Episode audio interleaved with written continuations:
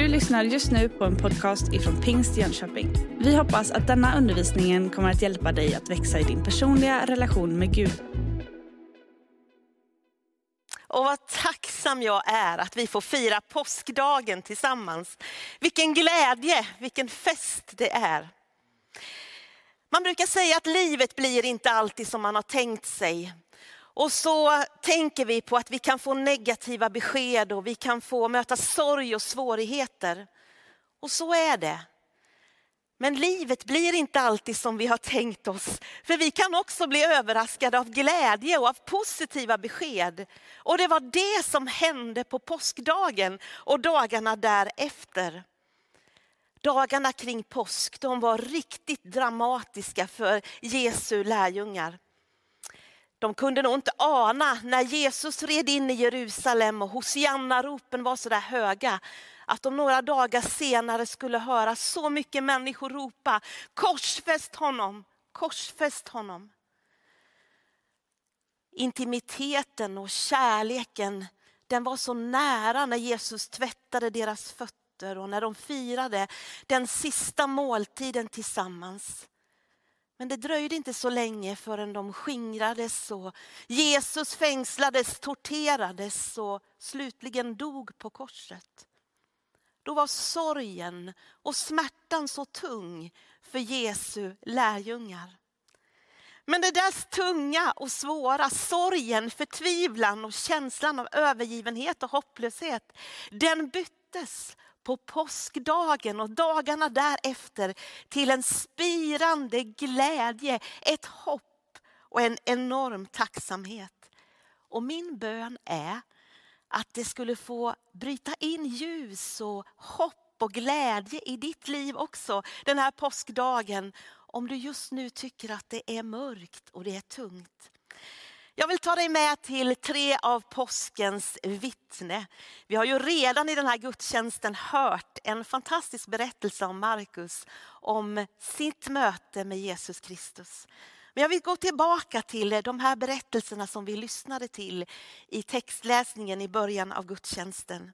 Och de här berättelserna de finns där av ett syfte. Och det är att de ska hjälpa oss att tro och förstå att det som hände då, det kan faktiskt hända igen och det kan hända med dig.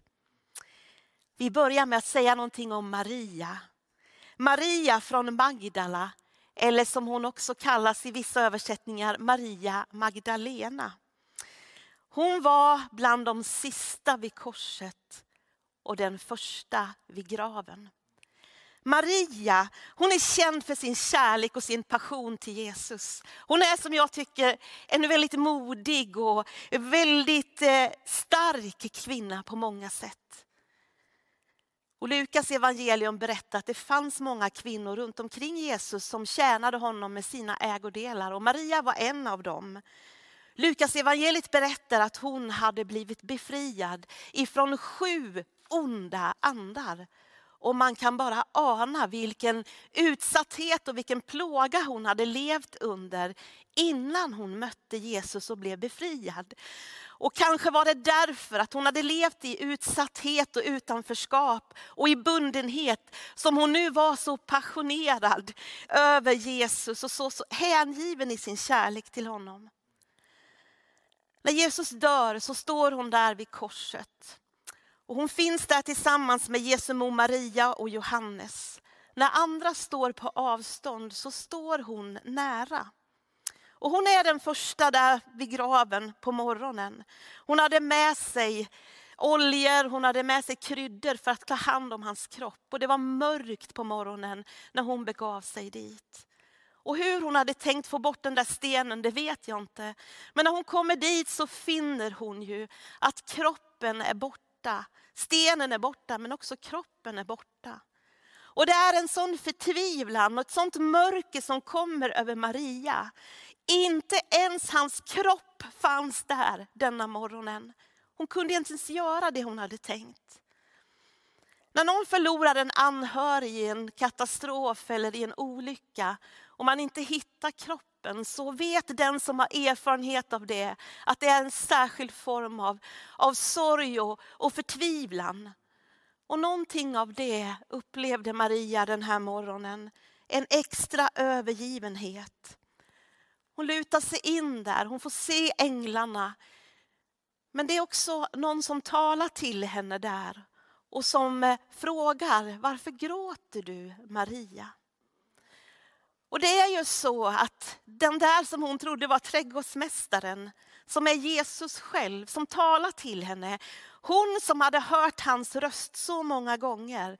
Nu så hör hon orden, men hon förstår inte vem det är. Hon ser inte. Och så kan det vara när det är riktigt tungt i livet. Då är det som att det där mest välkända, det når inte in. Vi, vi hör inte, vi ser inte. Men eh, när han säger hennes namn, Maria, då är det som att hennes ögon öppnas och hon ser och förstår att den som hon sörjer, han står framför henne livslevande. Och det är som att hon kastar sig ner vid hans fötter och vill hålla fast honom, men Jesus säger rör mig inte. Det är inte så att du ska hålla mig fysiskt fast just nu. Du ska lära dig att tro och förstå att jag kommer att vara med dig hela livet utan att du för den skull behöver hålla fast mig. Men Jesus säger till henne, gå nu till mina bröder och säg att jag stiger upp till min far och er far.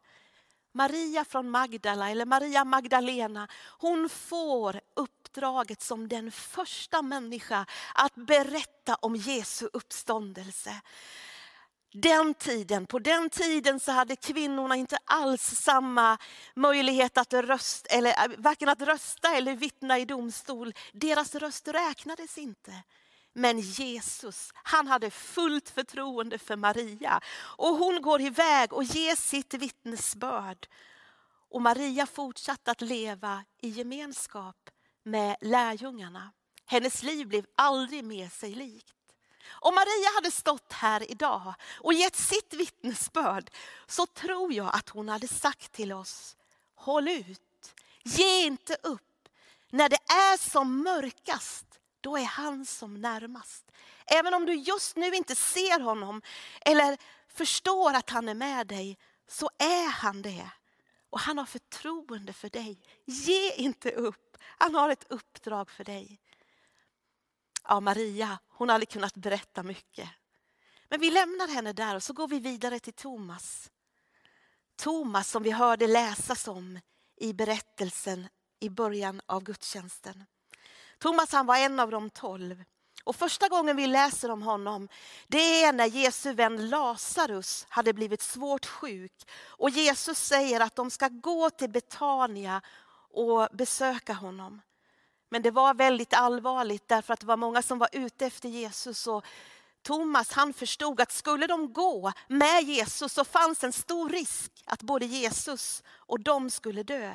Men Thomas han säger, låt oss gå med för att dö med honom. Thomas var väldigt för, förbunden med Jesus. En helt annan personlighet än Maria. Men Thomas han var också den som ställde de där extra frågorna. När Jesus har sitt avskedstal och Jesus säger att nu går jag bort och vägen dit jag går den känner ni. Då är det Thomas som säger, men Jesus vi vet inte vart du går, hur ska vi då känna vägen? Men då säger Jesus de här välkända orden som har varit till sån hjälp för människor i alla tider. Jesus säger, jag är vägen, sanningen och livet. Ingen kommer till Fadern utom genom mig. Den mest kända berättelsen det är ju den här när lärjungarna var samlade den där kvällen på påskdagen. Där de satt innanför stängda låsta dörrar av rädsla för judarna. Och hur Jesus kommer den där kvällen när han inte var med. Vi vet inte vad Thomas var, men Jesus kom till lärjungarna den här kvällen. Och han kommer och han säger frid vare med er. Han visar dem sina händer, han visar dem sin sida. Han andas på dem, han talar tro till dem. Och de blir glada står det, de blir uppmuntrade. Det är som att man kan tänka sig i de här coronatiderna. Vi sitter instängda i våra hus och lägenheter och rädslan vill binda oss på olika sätt. Men tänk att det finns inga stängda dörrar. Det finns ingenting som på något sätt kan göra att inte Jesus kan komma in. Han kan komma och han kommer med sin frid till rädda lärjungar idag också. Men den där kvällen, då var inte Thomas med. Och när de andra berättade om hur de hade sett honom, så kunde han inte tro. Och han säger väldigt tydligt, om inte jag får se händerna och sticka mina, min finger i hålet i hans händer och se hans sida där svärdet hade stuckits in, så kan jag inte tro. Men ni vet Jesus, han är så personlig. Han känner oss och vet vilka vi är. Och han kom en extra gång för Thomas och mötte honom där han var. Så en vecka senare så var de ju samlade igen och då kommer Jesus. Och vad gör han? Jo, han säger till Thomas, kom Thomas. Och så får Thomas precis det där han hade önskat. Han får se händerna. Han får liksom se Jesus sida. Och då vad händer? Jo, han faller ner för Jesus och han ger den här bekännelsen som är så stark. Min Herre, min Gud. Och Jesus säger, du tror därför att du har sett mig, men saliga är de som inte har sett men ändå tror. Thomas, han fortsatte att vara med Jesu lärjungar och det finns berättelse, tradition om Thomas, att han sen blev missionär. Om Thomas hade stått här idag och skulle ge sitt vittnesbörd till oss, då tror jag att han skulle ha sagt till oss, det är inte kört för dig. Även om du inte var med när det hände. Även om du har svårt att tro. Även om du tycker att de andras berättelser är ljusblå och ogrundade, så är det inte kört för dig. Jesus, han kommer till dig och möter dig där du är. Den som behöver lite mer fakta, den som behöver lite mer förklarat, den som inte bara köper allting sådär rakt av. Det är inte kört. Vi är olika och han möter oss där vi är. Vi lämnar Thomas där och går vidare till Petrus som är den mest kända och omskrivna av alla lärjungar. Petrus, som nämns så många gånger, den impulsive ledaren som talar för hela lärjungagruppen som eh, från början hette Simon men som fick ett nytt namn av Jesus, Kefas, klippan. Petrus. När Jesus frågar vid ett tillfälle lärjungarna vem, de, vem människorna säger att Människosonen är, så kliver Petrus fram och säger, du är den levande Gudens son, du är Messias. Och då säger Jesus, det är ingen människa som har uppenbarat det för dig, det har vår himmelske fader gjort. Petrus visste vem Jesus var. Och han försäkrade Jesus trohet in till döden. Även om alla andra skulle svika så bedyrade Petrus att han skulle stå vid Jesus sida vad som än hände. Men det växlade väldigt mycket i Petrus liv. I ett semane när soldaterna kom för att ta till fånga Jesus då försvarar Petrus Jesus och hugger av örat på en av soldaterna. Men eh, sen dröjer det inte så länge förrän Petrus grips av rädsla och fruktan och förnekar, inte bara en gång utan tre gånger, att han ens känner Jesus. Allt det där som han hade sagt att han skulle göra, allt det där som han ville, det bara på något sätt bröts ner. Och Petrus han går ut och gråter. Det är som att mörkret bara sänker sig över hans liv. Och han gör det där förbjudna, det där som han aldrig trodde skulle hända. Och hans liv fylls av skuld och skam. Han är med på den där morgonen ute vid graven. Han är med på påskdagskvällen.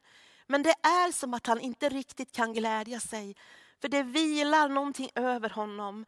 Han har misslyckats. Han känner sig bruten. Han känner sig helt knäckt och värdelös.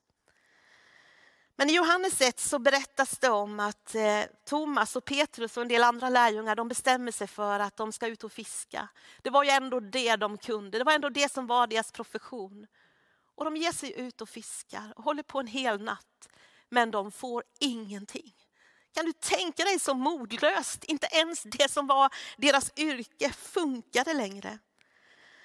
Men där på morgonen så ser de någon som står på stranden och som ropar till dem. Mina barn, har ni ingen fisk? Och de får uppdraget att kasta ut näten. Och de gör det och de får 153 fiskar. Och där förstår Petrus att den som står på stranden kan inte vara någon annan än Herren. Och han kastar sig i vattnet. Och de kommer in till land och där har Jesus gjort i ordning frukost åt dem.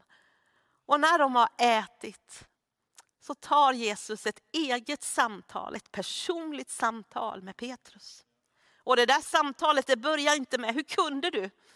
Utan frågan som Petrus får, det är, Petrus, älskar du mig mer än de andra gör?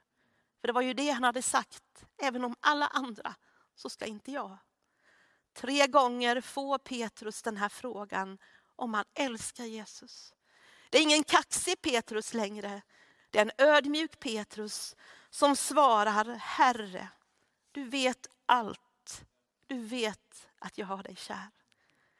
Och för varje gång som han får en fråga och hon svarar så får han ett uppdrag.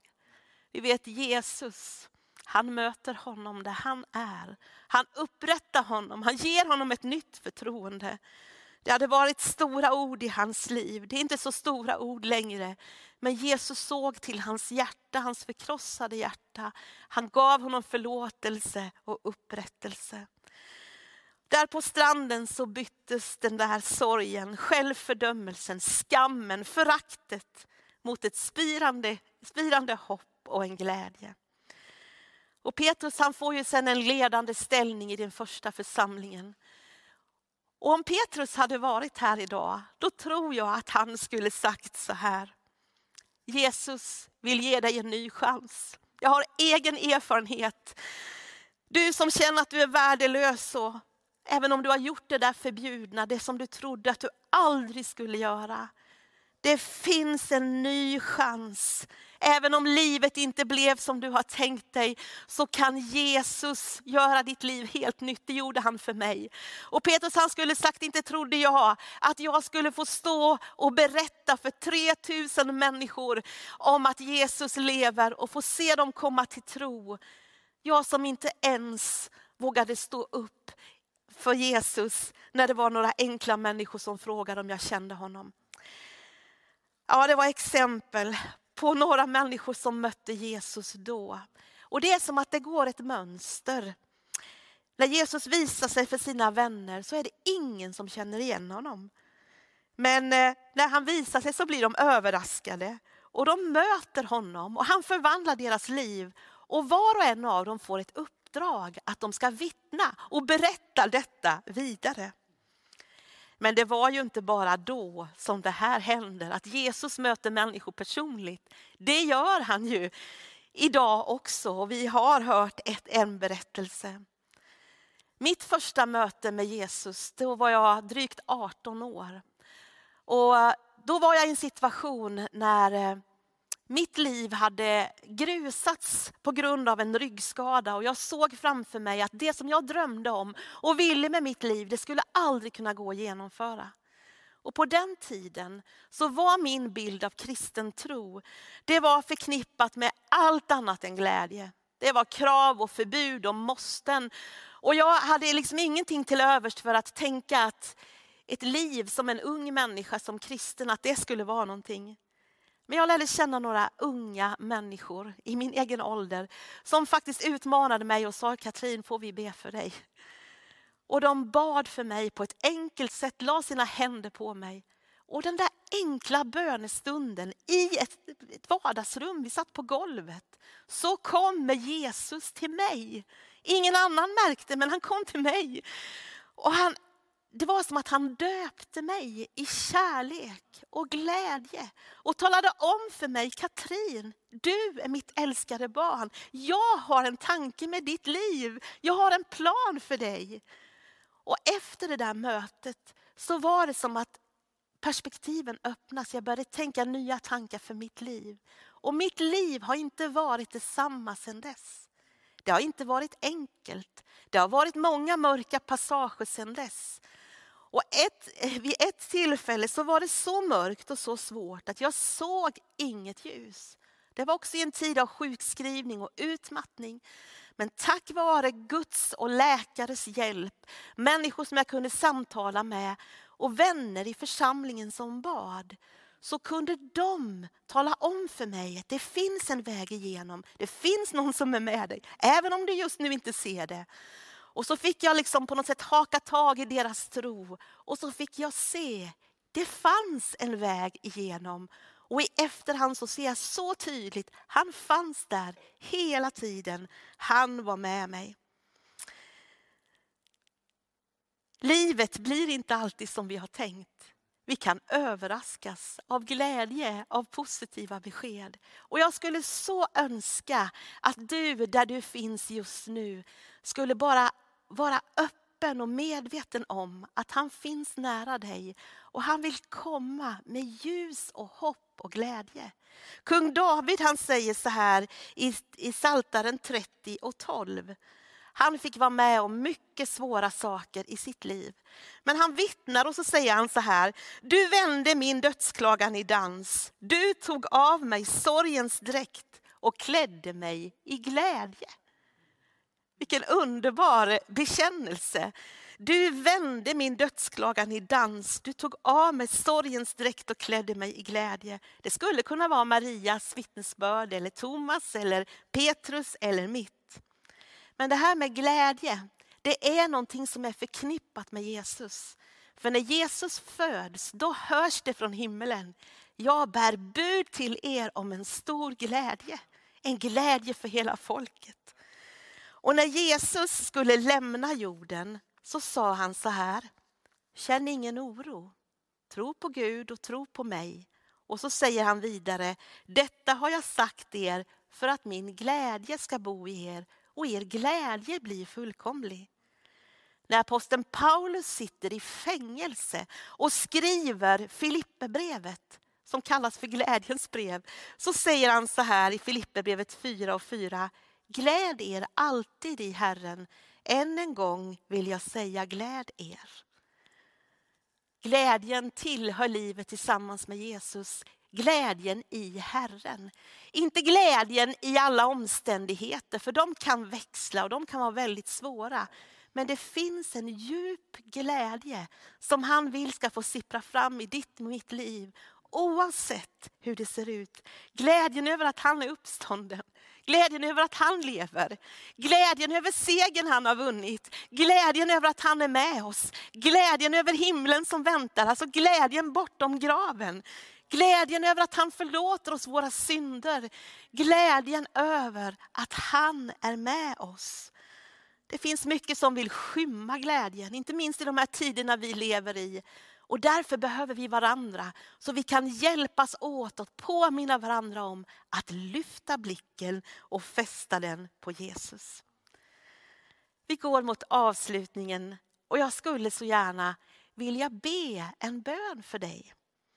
Livet blir inte alltid som vi har tänkt. Och det kan vara så här att du just nu är inne i en tuff tid.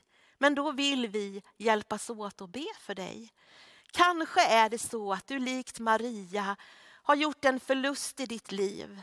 Oavsett vad det handlar om så är sorgen ett faktum i ditt liv. Då vill vi be om att Jesus skulle komma med sin närvaro och sin tröst in i din situation. Kanske är det så att ja, det där med tron som eh, Thomas kämpade med är någonting som du känner igen dig i. Då vill vi be att du skulle få en tro som bär dig i och genom allt. Eller så lever du kanske i det här som Petrus levde i, att du tycker att du har misslyckats. Du bär på skuld och skam. Du vet, han är här för att förlåta, hela och upprätta. Och han vill, precis som han gjorde till de rädda lärjungarna, också komma med sin frid in i din situation.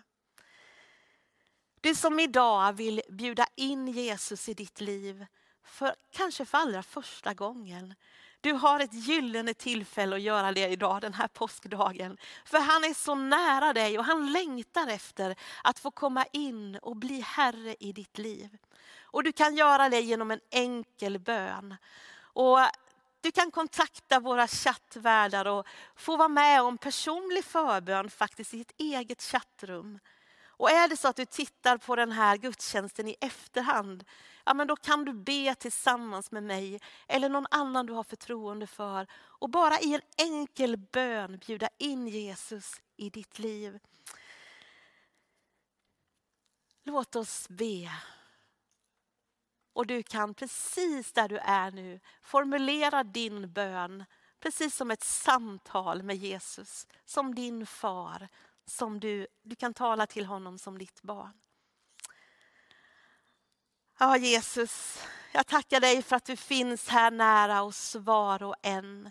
Du är närmare än luften vi andas. Och jag tackar dig för att du är levande och du är uppstånden. Och jag tackar dig för att du är så personlig och kommer till oss just där vi befinner oss i livet.